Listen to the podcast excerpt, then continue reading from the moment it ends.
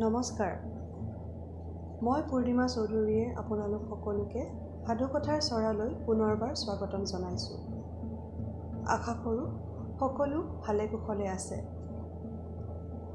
আজি মই ক'বলৈ ওলোৱা সাধুটি ইছপৰ সাধুৰ পৰা লোৱা হৈছে। সাধুটিৰ নাম হ'ল ভেকুলী আৰু ইন্দ্ৰ দেৱতা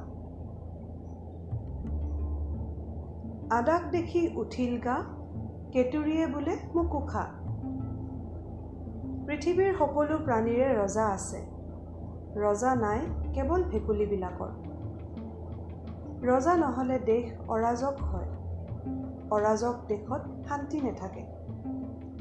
এই কথা ভাবি এখন বিলৰ ভেকুলীবিলাকৰ মনত বৰ দুখ হ'ল। সেই বিলত থকা সকলোবিলাক ভেকুলীয়ে এদিন এখন মেল পাতিলে। সেই মেলত সকলোবিলাক ভেকুলীয়ে আলোচনা কৰি এজন ৰজা লাগে বুলি সকলোৱে স্থিৰ কৰিলে। সিহঁতে ইন্দ্ৰদেৱতাক কাকতি মিনতি জনাই ক'লে দেৱৰাজ দেৱৰাজ ডাবৰৰ তুমি ৰজা আমাকো দিয়া মহাৰজা তোমাৰ হাতেৰে সজা। ৰজা লাগে ৰজা লাগে ভেকুলীকো লাগে ৰজা। ৰজাহীন জগতত যে নাই নাই একো মজা। ভেকুলীৰ তুতি মিনতি শুনি ইন্দ্ৰদেৱতা সন্তুষ্ট হ'ল। তেওঁ সেই বিলখনৰ ওপৰত এডাল কাঠ পেলাই দিলে। কাঠডাল পৰা শব্দ শুনিয়েই ভেকুলীবিলাকে ফৰিং চিটিকা দিলে। ভয়তে সিহঁতে চাৰিওফালে পলাই গ'ল। সিহঁতে দূৰৰ পৰাই কাঠ ৰজাক জুমি জুমি চাবলৈ ধৰিলে আৰু লক্ষ্য ৰাখিব ধৰিলে। এইদৰে কেইদিনমান পাৰ হ'ল। কাঠ ৰজাই কাটি কুটা নকৰা দেখি সিহঁতে হাঁহ পাই লাহে লাহে তেওঁৰ কাষ চাপিবলৈ আৰম্ভ কৰিলে। কাষ চাপি দেখিলে সিহঁতৰ ৰজাজন নিবুকা চামোন তেওঁৰ মুখত মাতবোল নাই। কাঠ ৰজাই একে ঠাইতে থম থম মদন গোপাল হৈ বহি থাকে। ভেকুলীবিলাকে আৰু ওচৰ চাপি কাঠ মহাৰজাৰ গাৰ ওপৰত উঠি টিঘিলখিলে নাচিবলৈ আৰম্ভ কৰিলে। তথাপি কাঠ কাঠ হৈয়ে থাকিল। সিহঁতে এনে নিবুকা চামোন ৰজা পাই বৰ বেয়া পালে। ভেকুলীবিলাকে ভাবিলে বোলে ইন্দ্ৰদেৱতাই সিহঁতক কণা হাঁহক পতান দিয়াৰ নিচিনাকৈ ঠগিলে। এনে অকামিলা ৰজা সিহঁতক নেলাগে। আছে গৰু নেবাই হাল হোৱাতকৈ নোহোৱাই ভাল। এনেদৰে তেওঁলোকে ইন্দ্ৰদেৱতাক গৈ আকৌ কাকতি মিনতি কৰিলে। ইন্দ্ৰদেৱতাক তুতি মিনতি জনাই ক'লে আমাক কাঠ ৰজা নেলাগে এজন নতুন ৰজা লাগে। ইন্দ্ৰদেৱতাই এইবাৰ এটা বুঢ়া ৰৌ মাছক সিহঁতৰ ৰজা পাতি দিলে। ৰৌ ৰজা বৰ নিৰ্জু তেওঁ কাকো দাবী সুকি নিদিয়ে কাৰো অপকাৰ নকৰে। এইজন ৰজাও ভেকুলীবিলাকৰ পচন্দ নহ'ল। এনে শান্তশিষ্ট ৰজা সিহঁতক নেলাগে। সিহঁতক লাগে ৰজাৰ নিচিনা এজন ৰজা।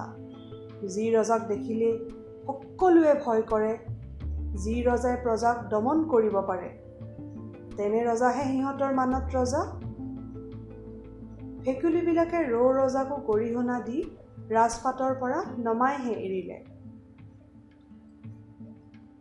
সিহঁতে আকৌ এদিন ইন্দ্ৰদেৱতাক আপত্তি জনাই এজন চোকা ৰজা খুজিলে। ভেকুলীবিলাকৰ মূৰ্খালি দেখি ইন্দ্ৰদেৱতাৰ বৰ খং উঠিল। তেওঁ খঙতেই ক'লে তিনিবাৰেই নিবাৰ। ইয়াৰ পিছত কিন্তু আৰু ৰজা সলনি কৰা নহ'ব। তথাপিও ভেকুলীবিলাকে ৰজাক ৰজা বিচাৰি ইন্দ্ৰদেৱতাক মিনতি জনালে। এইবাৰ ইন্দ্ৰদেৱতাই এটা বগলীক ভেকুলীবিলাকৰ ওপৰত ৰজা পাতি দিলে। এইজন ৰজা একেবাৰে চোকা টেকেলা। ৰাজপাতত উঠিয়েই তেওঁ কেইবাটাও ভেকুলী পেটত ভৰাই পেটটো কেৰেলা কৰি ল'লে। সেই দিনৰ পৰাই বক ৰজাক ভোজনত সদায় ভেকুলীহে লগা হ'ল। ভেকুলাৰ মঙহ খাই তেওঁ বৰ ভাল পালে। অনবৰতে তেওঁৰ ডিঙিৰ টোটোলাটো ভেকুলীৰে ওলমি থাকে। এইজন ৰজা ভেকুলীৰ বাবে ভাল নহৈ জমকালহে হ'ল। এসপ্তাহমানৰ ভিতৰতেই সেই বিলত থকা আটাইখিনি ভেকুলী বকৰাজে পেটৰ ভিতৰত সুমুৱালে। কেৱল মাথোন বাকী ৰ'লগৈ এটা বুঢ়া ভেকুলা। পু নাতি বংশ পৰিয়াল সকলোৰে মূৰ খাই সি মনৰ দুখতে ক'বলৈ ধৰিলে। আমি নিজেই নিজৰ মৰণ মাতি আনিলোঁ অ' আমাকনো কিহে পাইছিলে? এতিয়াহে বুজিব পাৰিছোঁ। জ্ঞাতিয়ে গংগা ৰাইজে ৰজা। নুবুজিলে কথা পাব লাগে মজা। এনেদৰে সেই বুঢ়া ভেকুলাটো দুখ মনেৰে বিলৰ কাষতে বহি থাকিলে।